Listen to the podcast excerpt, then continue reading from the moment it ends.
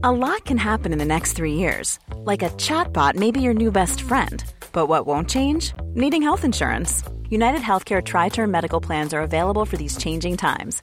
Underwritten by Golden Rule Insurance Company, they offer budget friendly, flexible coverage for people who are in between jobs or missed open enrollment. The plans last nearly three years in some states, with access to a nationwide network of doctors and hospitals. So, for whatever tomorrow brings, United Healthcare Tri Term Medical Plans may be for you. Learn more at uh1.com. Quality sleep is essential. That's why the Sleep Number Smart Bed is designed for your ever evolving sleep needs. Need a bed that's firmer or softer on either side? Helps you sleep at a comfortable temperature? Sleep Number Smart Beds let you individualize your comfort so you sleep better together. JD Power ranks Sleep Number number 1 in customer satisfaction with mattresses purchased in-store. And now, save 50% on the Sleep Number limited edition Smart Bed for a limited time. For JD Power 2023 award information, visit jdpower.com/awards. Only at a Sleep Number store or sleepnumber.com. There's never been a faster or easier way to start your weight loss journey than with PlushCare.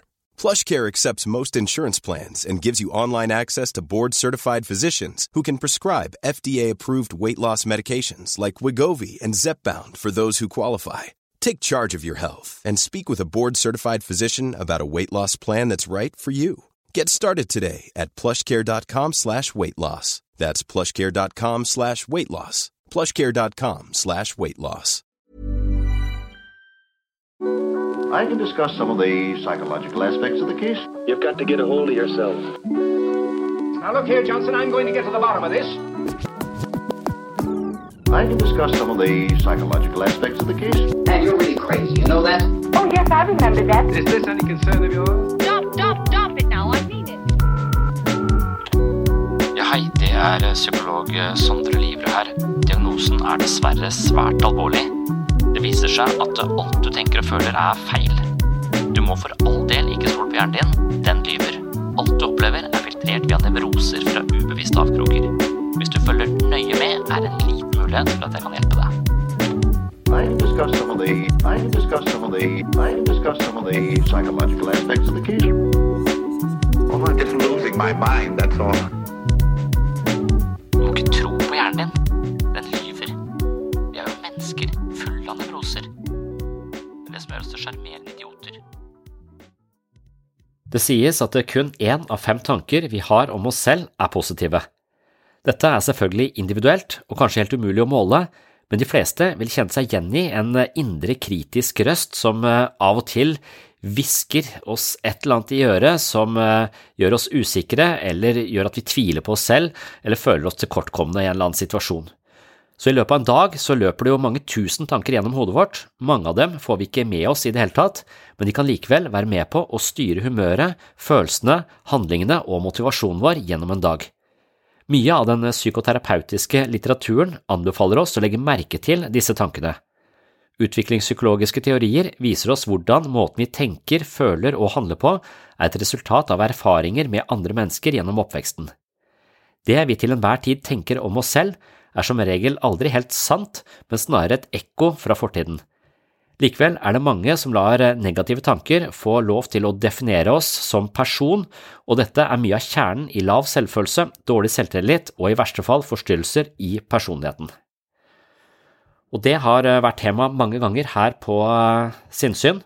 Jeg skal tilbake til denne tematikken i dag, også knytta litt opp mot dette med å være kreativ. For spørsmålet er også, det å være kreativ, er det egentlig en egenskap som noen mennesker er født med, en slags unik evne som noen har og andre ikke har?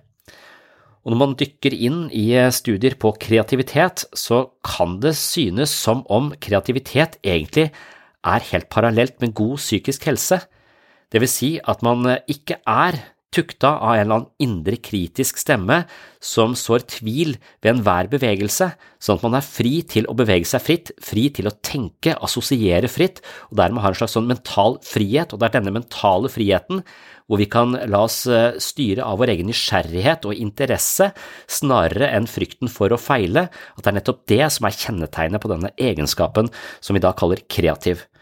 Så sånn sett så vil kreativitet egentlig være et annet ord for god psykisk helse, mens mangel på kreativitet da kan være assosiert med en type mental forstoppelse eller en eller annen mental påtalemyndighet som hele tiden er kritisk til alt du foretar deg. Du er på sett og vis overvåka, du er sånn 1984 i ditt eget hode, hvor enhver bevegelse blir utsatt for en type kritikk, hvor du hele tiden har en sånn kritisk røst som hvisker deg i øret at dette her fungerer ikke, dette er ikke bra nok, nå driter du deg ut, hva tenker andre når du oppfører seg på denne måten? Altså du hele tiden har sånne stemmer som begrenser enhver bevegelse, og det er da altså mangel på kreativitet selvfølgelig, men også en mangel på livskraft, det å kunne uttrykke seg og være fri. Så her tror jeg veldig, veldig mange av de menneskene jeg møter i min hverdag, har store problemer med en altfor eh, streng, kritisk stemme som har tatt bolig i deres indre liv.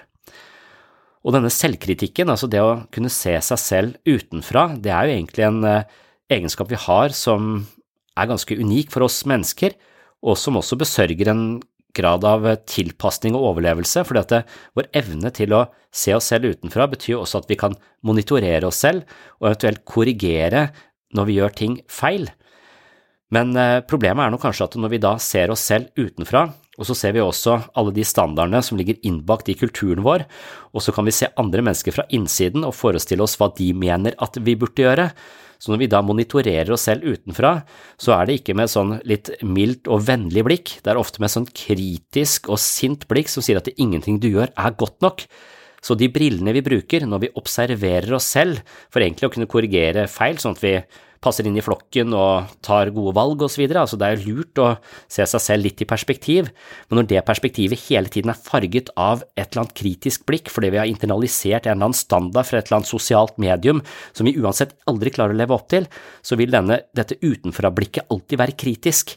Dersom du har et bilde inne på kontoret ditt av en eller annen streng person som stirrer på deg hele tiden, og du føler deg hele tiden feil fordi det blikket er så kritisk, du vet ikke helt hva du har gjort feil, men du føler deg bare feil, og det er da det som installerer oss denne skamfølelsen, og skamfølelsen det er nok den verste bremseklossen i det kreative maskineriet vi mennesker har. For skam det prøver å holde ting tilbake, det prøver å dempe ting, det prøver å skjule ting, det prøver å tenke ikke vis hvem du er, ikke si din mening, den kan være feil, altså den begrenser all form for frihet, og den friheten vi trenger for å skape nye ting og være livskraftig til stede i vårt eget liv, den strupes effektivt av skamfølelse.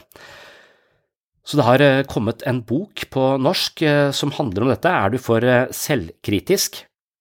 Den er da skrevet av psykologene Aksel Inge Sindig og Sigrid Magelsen Skeide. Og den har jeg ikke lest, men jeg har den i hylla mi nå, så den skal jeg lese. Jeg har lest et intervju med de på psykologisk.no, hvor de snakker mye om denne selvkritikken, og også hvordan denne selvkritikken kan strupe kreativiteten vår. Og i dette intervjuet så spør eh, journalisten da hvor kommer selvkritikken fra? Og det trenger det likevel ikke være en traumatisk opplevelse som skapte din indre kritiker, sier hun eh, Skeide. Det kan også handle om en følelse av ikke å passe helt inn, kanskje opplever du at du skiller deg litt ut fra familien din eller kulturen du har vokst opp i, en gutt som ikke er så atletisk, for eksempel, eller en jente som ikke helt får til den eh, jentedynamikken i vennegjengen. Bare sånne små opplevelser av å være utenfor, og rett og slett da kunne se det, at man er litt utenfor, det kan ta eh, boligen som en type selvkritikk og skam. Og så hvis vi hadde sett andre mennesker som ikke passer helt inn, så hadde vi jo vært litt rause. Hvis vi er et godt menneske, så hadde vi prøvd å inkludere de og forstå de, og egentlig bare eh, bifalle at uh, mennesker er litt forskjellige og hatt en slags raushet overfor det. Den rausheten har mange mennesker overfor andre, men ofte i liten grad altså overfor seg selv. Og Spørsmålet er også hvordan da du kan møte din indre kritiker, og første steg for å få et bedre forhold til seg selv er altså å bli bevisst på egen selvkritikk, ifølge Skeid og Sinding, som har skrevet denne boka. I boka presenterer de praktiske øvelser for å forstå og bli venn med den indre kritikeren, Nøkkelen er ifølge dem selvmedfølelse. Det hjelper visstnok ikke å intellektuelt forstå at det er lurt å være snill med seg selv, det må faktisk føles, og det er noe man aktivt må jobbe med. Det krever mot å gå inn i skamfølelsen og det vonde for å skape endring. Så hva kan man gjøre neste gang en selvkritisk stemme dukker opp i eget hode? Da skal man lytte til hva den har å si, og prøve å forstå hva den vil beskytte deg mot. For det er sånn at denne selvkritiske stemmen kan jo være en slags beskyttelse. Kanskje har du opplevd at hvis du sier dette, så vil noen føle seg støtt, og så ryker du uklar, og så har du da internalisert det på en måte, så du har en kritisk stemme som sier ikke si det, ikke si det, ikke si det, ikke si det, bare for å minne deg på at det skal du ikke si. Men det kan jo være at det var andre faktorer i den situasjonen som gjorde at det du sa falt eh, litt galt ned hos et annet menneske, så dermed så vil denne indre kritikeren prøve å beskytte deg mot å ryke uklar med noen, men det kan være at den er litt eh, feiljustert, eller rett og slett ikke helt på spikeren når det gjelder eh, andre situasjoner, eller overføre én erfaring til, til, å gjelde generelt da, i livet vårt. Så når du da hører denne indre kritikeren, så må du jo være oppmerksom på det, du må høre litt etter hva sier denne skravlete hjernen som produserer 50 000 tanker i løpet av en dag. Også, det er jo helt umulig å høre på alle de tankene, men eh, du kan jo prøve å høre etter hva sier den når jeg får en følelse av å ikke passe inn, være utenfor, ikke være god nok osv. Da kan du begynne å lytte litt, hva er det hjernen min sier nå? Og så kan du jo da tenke at eh, den sier at uh, det jeg sier er dumt. Hva vil den beskytte meg mot? Den vil beskytte meg mot å drite meg ut. Og da kan du for eksempel svare at jeg hører deg, fint at du sier ifra og advarer meg mot å drite meg ut, men dette er ikke hjelpsomt for meg akkurat nå. Det er det de foreslår at man skal si til sin egen hjerne. Så ved å praktisere selvmedfølelse, så blir du sterkere i møte med livets utfordringer. Jeg tror også det kan frigjøre veldig, veldig mye energi, den indre kampen krever enormt mye ressurser og er en stor kognitiv belastning. Så hvis du hele tiden skal drive og sensurere deg selv og vurdere om det du sier er riktig, passende osv., så, videre, så vil du bruke langt over halvparten av den mentale energien du har på å monitorere deg selv og på politimyndighet i ditt eget indre, noe som tar all den energien du trenger inn i en relasjon ut av relasjonen, altså den blir brukt på helt feil, feil måte. Så da er det bedre å være litt raus med seg selv, altså akkurat som du kan være litt raus med andre mennesker. Prøve å forstå det de sier i beste mening, og være raus med alle mulige ting, altså være litt sånn empatisk og, og tolerant overfor andre, og ha den samme holdningen eh, retta mot deg selv. Og Det var eh, det jeg ville si innledningsvis til dagens episode, som skal handle om selvkritikk, men også litt om dette med å være kreativ. Jeg har også lest en ny studie som viser at det, det å være i bevegelse, det stimulerer kreativiteten vår, og gjerne det å være i bevegelse i naturen. Men det er også ulike måter å være i bevegelse i naturen på. Du kan for eksempel følge et kart og gå en bestemt sti og ha en eller annen sånn målretta idé om hvor du skal hen eller du kan gå litt på måfå på tur i skogen. Og Da viser det seg at denne å gå tur på måfå er det som stimulerer kreativiteten vår mest. Så det er altså det, igjen denne frie bevegelsen som er kreativ, men også som handler om å, å være et fritt menneske. Så du kan ha denne frie bevegelsen i skogen og gå opp nytt terreng og oppdage nye ting, drevet av din egen nysgjerrighet, men den samme mentaliteten kan du kanskje overføre til den psykiske skog, hvor det å gå litt på tur i sine egne tanker og utforske nytt terreng og være fri til å tenke ulike tanker og ikke tenke at oi, hvis jeg tenker sånn, da er jeg sånn, eller hvis jeg tenker det er helt feil å tenke, men rett og slett bare være nysgjerrig på det som dukker opp i denne mentale skogen, og prøve å assosiere litt fritt. Så det er ofte i denne dagdrømmermodusen, hvor den kritiske stemmen ikke er på oss hele tiden, at de nye tankene og at de spennende ideene oppstår. Så Det er der kreativiteten oppstår, men det er også der livskraften oppstår. Så dette med å gå tur i skogen litt på måfå, det kan, kan stimulere kreativitet, men du kan overføre den samme la oss si metaforisk, da, til ditt eget indre landskap, hvor du kan gå opp noen nye stier hvis du er nysgjerrig og interessert i hva som foregår på innsida. Men for å være nysgjerrig og interessert, så kan du ikke leve i et diktatur hvor det ikke er lov til å gå utenfor uh, de oppkåtte stiene. Du er nødt til å ha en slags frihet, mental frihet, til å bevege deg også på innsiden. Og jeg opplever at mange av de menneskene jeg møter, mangler denne mentale friheten. For uh, tanker som eventuelt virker litt sånn usosiale eller uakseptable, de vil man for enhver pris ikke våge å møte i sitt eget indre landskap. Men det må man rett og slett risikere for å, for å være mentalt fri. Du må våge også de mørke sidene ved deg selv, uten å tenke at det gjør deg til en dyster person, eller til et negativt menneske, eller til et menneske som ikke er verdt å elske, eller hva nå man måtte tenke i møte med, med Hjernefabrikkens ulike ideer. Så det var da det jeg vil si innledningsvis til dagens episode om eh, kreativitet og selvkritikk. I can discuss some of the psychological aspects of the case. You've got to get a hold of yourself.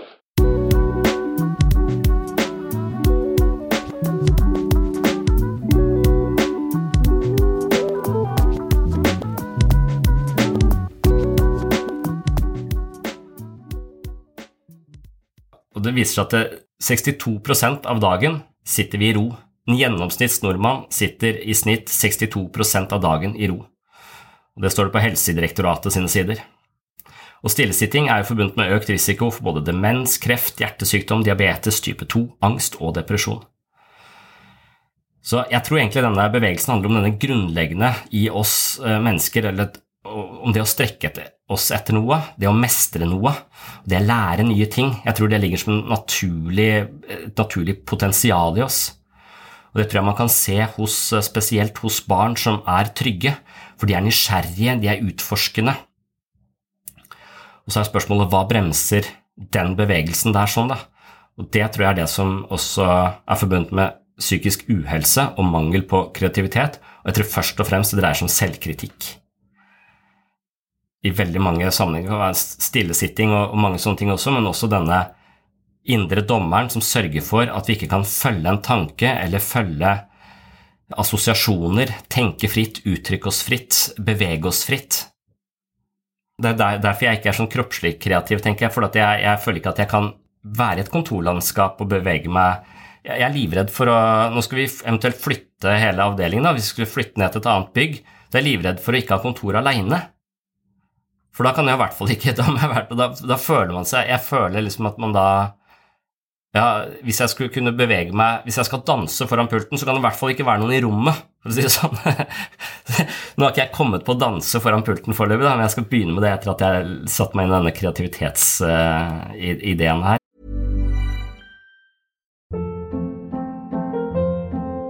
Hold up. What was that? Boring. No flavor. That was as bad as those leftovers you ate all week. Kiki Palmer here, and it's time to say hello to something fresh and guilt-free. Hello Fresh. Jazz up dinner with pecan-crusted chicken or garlic butter shrimp scampi. Now that's music to my mouth. Hello Fresh. Let's get this dinner party started. Discover all the delicious possibilities at hellofresh.com.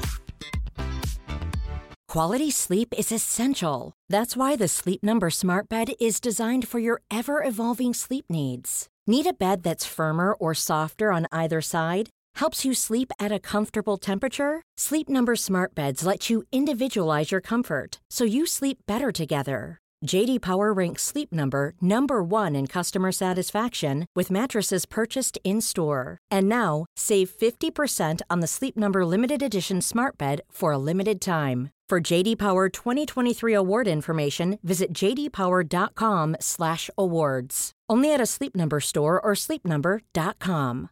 One size fits all seemed like a good idea for clothes. Nice dress. Uh, it's a it's a t-shirt. Until you tried it on. Same goes for your healthcare. That's why United Healthcare offers a variety of flexible, budget friendly coverage for medical, vision, dental, and more. So, whether you're between jobs, coming off a parent's plan, or even missed open enrollment, you can find the plan that fits you best. Find out more about United Healthcare coverage at uh1.com. That's uh1.com. Så, men denne selvkritikken, den, den, tror jeg bremser fryktelig mye. Og, og selvkritikk er liksom i utgangspunktet noe vi, noe vi, trenger. Det er vår evne til å se oss selv utenifra. Det er det som gjør oss til mennesker. Så vi kan rett og slett vurdere oss selv, da. Og vi kan ta innover oss eh, feilgrep og lære av de feilgrepa. Og det er lurt. Det er metakognisjon. Meta, altså over, det å se seg selv utenifra. Det er litt det vi trener opp i terapi, også å se seg selv utenifra. Men da kommer det an på den vurderinga du da gjør. Det er jo den vi hele tiden snakker om. Den er jo som regel farga så utrolig mange faktorer. Den kan være prega av oppveksten din, den kan være prega av kritiske foreldre, den kan være prega av mobbing, den kan være prega av samfunnet som har skyhøye idealer på ulike områder. Og når du da har evnen til å se deg selv utenfra, så har du også evnen til å se samfunnet utenfra. Du ser jo også hvilke, hvilke idealer som er eh, det kulturen ser opp til. Og så alle disse filtrene som kommer mellom deg og man skal si den, den måten du uh, vurderer deg selv på, det, der tror jeg det er lett å havne i uh, enorm selvkritikk. Og den selvkritikken den tror jeg er uh, direkte kvelende på all form for kreativitet. Det er helt sikkert det som bremser kreativiteten hos folk, for at det, Selvkritikken sørger for at det dreper jo all denne, dette engasjementet, den nysgjerrigheten, den entusiasmen som man kunne hatt hvis man var totalt oppslukt i noe. Og det er det de kreative har evnen til. Da. De blir totalt oppslukt av det de holder på med. De, de kommer i ett med den aktiviteten på en eller annen måte. Og istedenfor å vurdere er dette bra nok, vil andre like det, når dette opp til standard, eh, vil det bli verdsatt? Altså alle de, all den kontemplasjonen der sånn når den forsvinner, når du glemmer deg selv, som du sier, så, så er du genuint til, til, stede, og da er du mye mer kreativ. Og det, det samme, ja, det er akkurat det samme med kroppen, eller drømmen, som vi snakket om sist. da. Altså når, når du har feber, så vil kroppen påvirkes av den Eller drømmen vil påvirkes av kroppens tilstand. og Da får du en sånn type altså jeg, følte, jeg, følte jeg var i et fengsel, noen holdt meg nede nærmest. Jeg kunne ikke bevege tankene mine fritt, og det var feberen som sørger for det. Derfor er det verste jeg vet, er å ha feber. Jeg er nesten litt redd for en sånn type natt da, hvor jeg blir fanga i det fengselet, for det er null frihet. Og hvis du har mye stress i livet ditt, så vil drømmen også være preget av det. Null frihet da, du løser problemer eller du jages. Mens hvis jeg er på, en, på et mye bedre sted og har mer rom og, og føle meg friere og føle meg roligere, så kan drømmen, selv om den har litt sånne ekle scenarioer, kanskje, eller et eller annet sånt, og kan likevel føles ganske sånn vitalt og kreativt, og jeg kan være nysgjerrig på det, jeg kan følge det, jeg kan liksom bevege meg i det. Det tror jeg gjelder både kroppen og det gjelder eh, i drømmen og den, den, friheten til å være helt, helt eh, åpen og nysgjerrig det tror jeg er psykisk helse, og det tror jeg er kreativitet. Så jeg tror ikke det er noen forskjell mellom kreativitet og god psykisk helse. For hvis du er veldig selvkritisk, så holder jo det deg tilbake. Du klarer jo ofte ikke å være Eller du klarer ikke å leve det livet du kanskje har lyst til å leve. Du greier ikke å ta ordet kanskje i en jobbsammenheng. Du har kanskje lyst til å skrive en bok, men du tør ikke. Og de som er veldig selvkritiske, de har jo også problemer med å være helt genuine i en relasjon. Så da har du en sånn, den selvkritiske pass på, ikke la noen komme for nær. Ikke si hva du egentlig mener. Ikke vis hvem du egentlig er. Ikke vis deg selv fra ditt innerste. Alle disse, disse tingene som handler om å bure seg selv inne og skjerme seg og bygge opp et skjold istedenfor å være fri. Alt det har med fengsel å gjøre, og det er direkte skadelig for kreativitet. Det er en frihet vi alle ønsker oss eh, sannsynligvis da, så mye som mulig av, fordi det, det er så bra på alle mulige måter. Mens selvkritikken den gjør jo hele tiden at du er redd for at eh, du ikke er god nok, og så er du redd for at andre skal oppdage det. Derfor så er jo selvkritikken ekstremt angstdrivende. Så når du da går rundt med en følelse at du ikke lever opp fordi at filtrene dine for hva du skal leve opp til, er så fulle av uh, ulike krav, tidligere kritikk, selv, denne, all denne selvkritikken som du filtrerer da alle vurderinger og hele livet ditt gjennom, som gir deg en følelse at det er noe galt med deg, at du ikke strekker til, det er liksom å ikke lever opp til standarden i flokken rundt deg. Da. Det er jo det man kaller skam, som regel. Dette er en skamfølelse. Jeg er ikke sånn som jeg burde, burde vært. Og selvkritikken kommer kanskje som en slags måte å skape mening i følelsen av skam på. Så selvkritikken gir liksom skammen en slags berettigelse, eller det, det skaper Altså, Piaget mener at vi lager indre mentale modeller av hvordan verden fungerer, og når det viser seg at verden ikke fungerer på den måten som vi har en indre mental modell av, fordi barn plutselig forstår nye ting med hjernen sin, så må de, må de justere den mentale modellen de har, sånn at den passer overens med sånn som virkeligheten viser seg å være gjennom nye erfaringer. Så det er sånn assimilering og akkommodasjon, kaller jeg denne prosessen hvor man liksom eh, justerer modellene sine. Mens hvis vi går rundt med, med denne følelsen av skam, så vil det kanskje være en slags assimileringsprosess da, hvor vi, hvor vi genererer tanker som sier at ja, det er fordi vi ikke er gode nok, det er fordi vi ikke strekker til, det er fordi vi ikke jobber bra nok, det er fordi vi ikke spiser sunt nok, det er fordi vi ikke har vært tålmodige nok. Altså at det, at det er en måte å rett og slett sørge for at den indre følelsen av skam korresponderer med forståelsen av oss selv og virkeligheten, på sett og vis. Så, så da er vi kanskje tilbake på denne, denne måten å det, det, kreative er jo ønske Det er ønske å vokse, og det er ønske å mestre, og det er ønske å lære nye ting. Men det er drifta av nysgjerrighet, og det er veldig mange driftige mennesker som ønsker å lykkes, vokse og lære, de også, men så er de drifta av frykten for å mislykkes isteden. Og det er nok den store forskjellen på den kreative og den som ikke er kreativ, og heller snarere forknytt og, og angstprega, er fordi at hele motivasjonen min for å gjøre det bra her og der, det er ikke fordi jeg, fordi jeg har en sånn slags uh, vitalt ønske om å gro som menneske, for det er, det er rett og slett for å ikke ikke mislykkes eller ikke passe inn. Altså, jeg er så livredd for ikke passe inn, ikke gjøre det riktige. Det er en helt annen motivasjon, hvor den ene er eh, preget av kreativitet.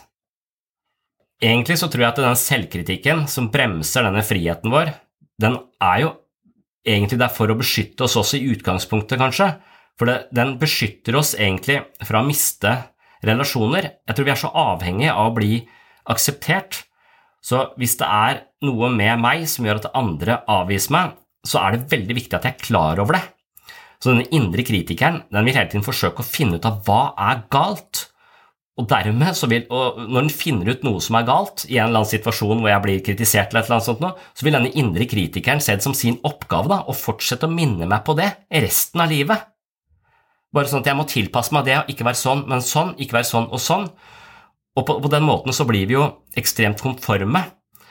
Og da er det jo også veldig vanskelig å tenke utenfor boksen når vi hele tiden er så opptatt av å passe inn, for det, det er så fryktinngytende å bli avvist av gruppa og flokken. Og det er det jo, for det besørger overlevelse. Vi er jo avhengig av deltakelse i, eh, i flokken. Det er her den balansen kommer inn. Når det blir et sånt overfokus på å passe inn og være god nok for andre, og ikke følge sine naturlige tilbøyeligheter og heller en leken nysgjerrighet, som også vil skape vekst. Så, så vi, må, vi, må finne, vi, vi, må, tilpasse oss sånn at vi ikke blir utstøtt av, av, flokken, men det må ikke bli for enhver pris, da. For da blir vi sosiale nikkedukker uten eh, noe annen følelse enn eh, selvkritikk hele tiden og en sånn stadig evaluering av gjør jeg dette bra nok, er det bra nok, er det sånn andre vil at jeg skal være? Og så drepe for all kreativitet. da. Nå kan man si at Arbeidslivet vårt er også i høy grad styrt av denne målings- og styringssystemene som hele tiden skal sørge for at vi gjør og overvåke oss, og vi skal rapportere at vi har gjort det og det. Noe som er det motsatte av hva de driver med i Silicon Valley. Det er som tech-gigantene som er så gode på dette. Tech-gigantene de gir eh, de ansatte ett år fri hvert sjuende år eller noe sånt. Noe. Et sånt sabbatsår hvor de skal bare reise rundt. for det det å reise, det å oppleve nye ting, det å gå opp nye stier, det å bevege seg fritt snarere enn å gå på den samme stien hver gang du går tur, altså det å bevege seg fritt rundt og utforske nye ting, det, det mener de er som å lage nye baner da, inni våre nevrale mønstre, så vi får nye stier i hodet vårt av å oppleve nye ting og reise eller eh, lese eller bare følge våre nysgjerrige impulser. Da. Og de mener, altså, Jeg tror ikke de tech-gigantene gitt alle folka fri et helt år hvis de mente at det, de tapte masse penger på det. Men de mener det er det vi tjener penger på. Vi trenger innovative mennesker. Da er de nødt til å få lov til å bevege seg fritt ganske ofte. Noen gjør det sånn to måneder i året, noen har det ett år da og da. Så de har, veldig mange av de får lov til å jobbe når de vil. For den derre at vi skal jobbe åtte timer, ha fri åtte timer og sove åtte timer, det er en sånn fabrikksmodell som vi fortsatt driver med. Det er ikke sikkert den er tilpassa 100% av befolkningen, selv om 80% av oss jobber på akkurat den måten det er sånn. Så jeg tror nok disse tech-gigantene ønsker nye løsninger hele tiden, så de er mye mer fokusert på hva skaper kreativitet. da. Ja, jeg tror ikke heller man skal forveksle kreativitet med at du skal løse verdensproblemer eller skape noe helt nytt eller eh, ekstraordinært, men at det snarere er en en mentalitet som er fri. En slags eh, fri spirit. At det er det det dreier seg om. Og så veldig mye av samfunnet vårt og denne selvkritikken vår legger beslag på, på den muligheten. Så jeg tror heller ikke man skal tenke at kreativitet skal være sånn at du skal nødvendigvis skrive en bok eller eh, male et eh, bilde osv., men jeg tror at hvis du har Hvis du kommer Hvis kreativitet blir en mulighet for deg, så tror jeg også det vil påvirke produktiviteten din i ulike retninger. Det vil påvirke hvordan du lever livet ditt, og hva du finner på, og hva du gjør. Og det kan kanskje bare være morsommere å leve sånn. Det er det jeg mener hvis jeg ikke er så veldig stressa og har ting rundt meg er sånn rimelig under kontroll, så kan jeg liksom tenke gøye tanker. Jeg kan bare gå liksom rundt forbi og assosiere fritt. Og at det er eh, i seg selv en ganske gøy aktivitet. Men det, ja, det, det var en, en, journalist som heter eh, Hun er idéhistoriker, hun heter Hilde Østby. Hun har skrevet om eh, kreativitet. Hun ble veldig kreativ fordi hun gikk Hun møtte veggen. Altså ikke da i sånn psykologisk forstand, men hun gikk rett og slett rett i veggen og fikk en, eh, en hjernerystelse. Og det som da skjedde, var at eh, hun begynte nærmest å klø i huet, som hun beskriver det. Hun ble ekstremt kreativ, og hun fikk utrolig mange nye, nye tanker. Og så begynte hun å lure på hvorfor det, når jeg slo hodet mitt så kraftig. For det var jo, hun fikk sånn leamus på øyet og var sånn tidvis kvalm og sånn også, så det var ikke bare bra, da å, å få denne hodetraume, på sett og vis. Men det som hadde skjedd, var at det hadde kommet en midlertidig skade på det som kalles temporallappen. Og temporallappen den driver og fjerner unødvendig støy. Så når du går inn på en kafé, f.eks., så vil du ikke kunne ta inn alle inntrykkene som møter deg, for det er så mye. Så du får et slags tunnelsyn fordi du bare ser etter den personen du skal møte på den kafeen. Så når dere da snakker sammen over en kopp kaffe, så filtrerer du liksom ut de andre, de andre tingene, da. Så hjernen bruker liksom temporallappene når den, er, eh, når den, holder på i eksekutivfunksjonene sine, som vil si å ha oppmerksomheten vår konsentrert og retta mot et ytre stimuli. Så, så, hvis du har ADHD, så har du noen svake temporallapper, for da kommer det masse forstyrrende ting inn. Du klarer ikke å fokusere på det du holder på med. ikke sant? Men det som er med temporallappene, er at de også blokkerer merkelige tanker og ideer. Sånn at når hun da fikk en skade på temporallappen, så dukka det plutselig opp helt sånne merkelige ideer i hodet hennes, eh, som da også var veldig kreative. Og masse rare assosiasjoner og fantasifulle innfall, da, som, eh, som boosta hennes eh, skriveprosjekter og, og sånn på en veldig sånn positiv måte. Så det å slå hodet sitt veldig hardt er ikke alltid forbundet med noe, noe negativt. Mens hennes bok mener at eh, hjernen liksom fungerer best da vi er mest kreative i en sånn type dagdrømmemodus. Og, og det er liksom det der at når ideene får lov til å strømme fritt, og du er liksom sånn leken til stede, og ideene kan ta det neste, og du er ikke nødvendigvis opptatt av at du skal gjøre en oppgave eller eh, hvilke plikter du har og sånn, men du får bare Altså, tankene går går på tur da, i naturen, akkurat som vi går på tur i naturen, så går tankene på tur i hodet på samme måte. Lekent. Det er helt klare paralleller mellom de, de to tinga. Da må du på en eller annen måte klare å dempe temporallappens eh, funksjon, for den skal sørge for at du er fokusert på å gå den ruta du skal, og komme til det stedet du skal, eller løse den oppgaven du skal. Og det er ikke spesielt eh, kreativt.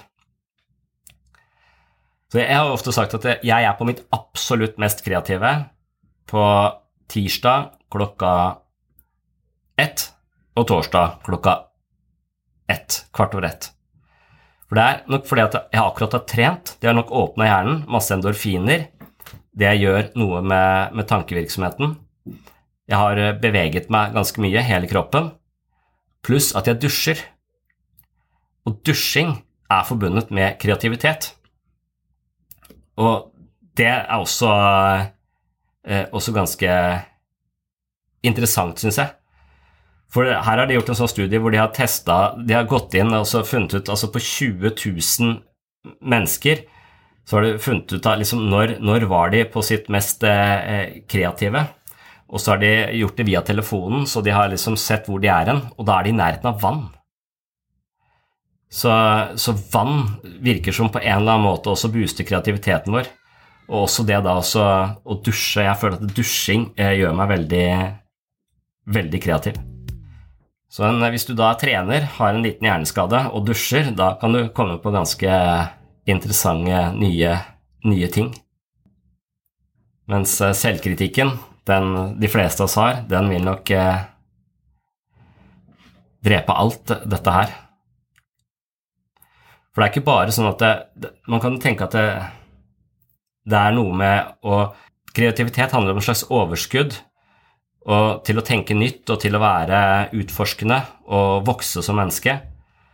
Mens eh, psykiske plager handler om det motsatte, handler om selvkritikk og ikke tenke at man er god nok, hele tiden prøve å tilfredsstille ytre krav, eller eh, ikke egentlig være sin egen herre, da, ikke føle at man tør å være sin egen herre, eller at man har lov til å være sin egen herre, eller hva det skal være. Så kreativiteten, den, den typen vekst, den blir hemma totalt. Den blir hele tiden bare styrt av å prøve å tilpasse seg hvordan man burde og, og, og skulle være.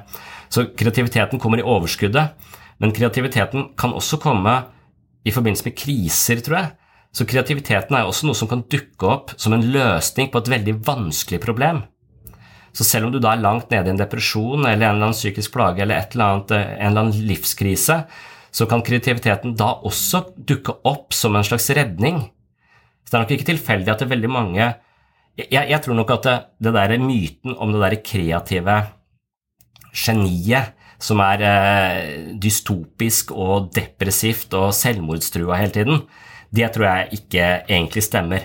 Men jeg tror nok at veldig mange mennesker har fått en slags oppvekker i møte med kriser, og at, har, eh, at kreativiteten har kommet som en slags redningsplanke for å hjelpe de ut av det. Sånn som Knausgård begynner min kamp når faren dør.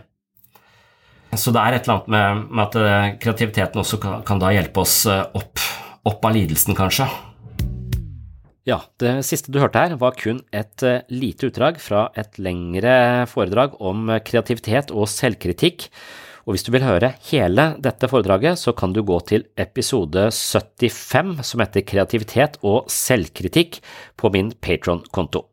På patron.com for segs eh, sinnssyn så kan du som ønsker det støtte denne podkasten med et selvvalgt beløp i måneden, og som takk for din støtte så får du da et medlemskap på mitt mentale treningsstudio hvor du finner masse ekstramateriale til denne podkasten. Du finner masse ekstra episoder av sinnssyn, du finner videoforedrag, mentale øvelser, jeg leser bøkene mine sånn at de blir omgjort til lydbøker, osv så er kreativitet da en unik egenskap som eh, noen mennesker har eller er født med, mens andre mennesker er mindre kreative. Jeg mistenker jo at eh, mennesker potensielt sett er ganske kreative, men at noen mennesker får utløp for sin kreativitet, mens andre holdes tilbake, og det er jo da tematikken rundt dette med kreativitet og selvkritikk. Jeg mistenker altså at eh, det å være kreativ handler om å være fri, det handler om å våge å dagdrømme, leke med tanker, følge sine eh, nysgjerrige impulser, utforske det som føles vitalt, og la seg oppsluke av det man driver med. Mange mennesker klarer ikke dette fordi de lever med en indre kritiker som sier at man må passe på, ikke være for ivrig, ikke være åpen, da man kan bli avvist og såra, alltid tenke på hva andre mener, gjøre sine plikter, ikke slurve, ikke tro at man er noe, ikke tro at man eh, kan få det til bra nok, ingenting er vel egentlig bra nok, osv. Med andre ord tror jeg at kreative mennesker er det samme som mennesker med god psykisk helse, og mennesker med god psykisk helse er mennesker som har et godt forhold til sine indre stemmer og sin indre kritiker. For det er jo viktig å ha en indre kritiker som av og til sier fra at nå er du i ferd med å trå feil, pass deg litt nå. Og det å lytte som passe til den indre kritikeren for å sørge for at man er veltilpass i flokken, det er nok lurt, men altfor mange av oss har en for streng indre stemme som egentlig da struper enhver form for frihet og livskvalitet, og også da demper det som man kunne tenke seg er disse kreative impulsene våre som gjør livet verdt å leve. Og Vil du høre mer om det, så kan du også gå til episode 75, Kreativitet og selvkritikk på patron.com for segs sinnssyn. Takk for følget, og håper du henger med i neste episode, enten inne på Patron eller her på den åpne podkasten. Tjallabais! Oh, oh, I'm just losing my mind, that's all.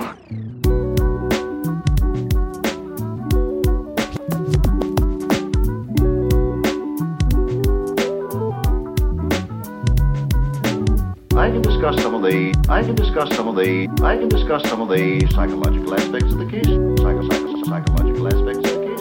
You've got to get a hold of yourself.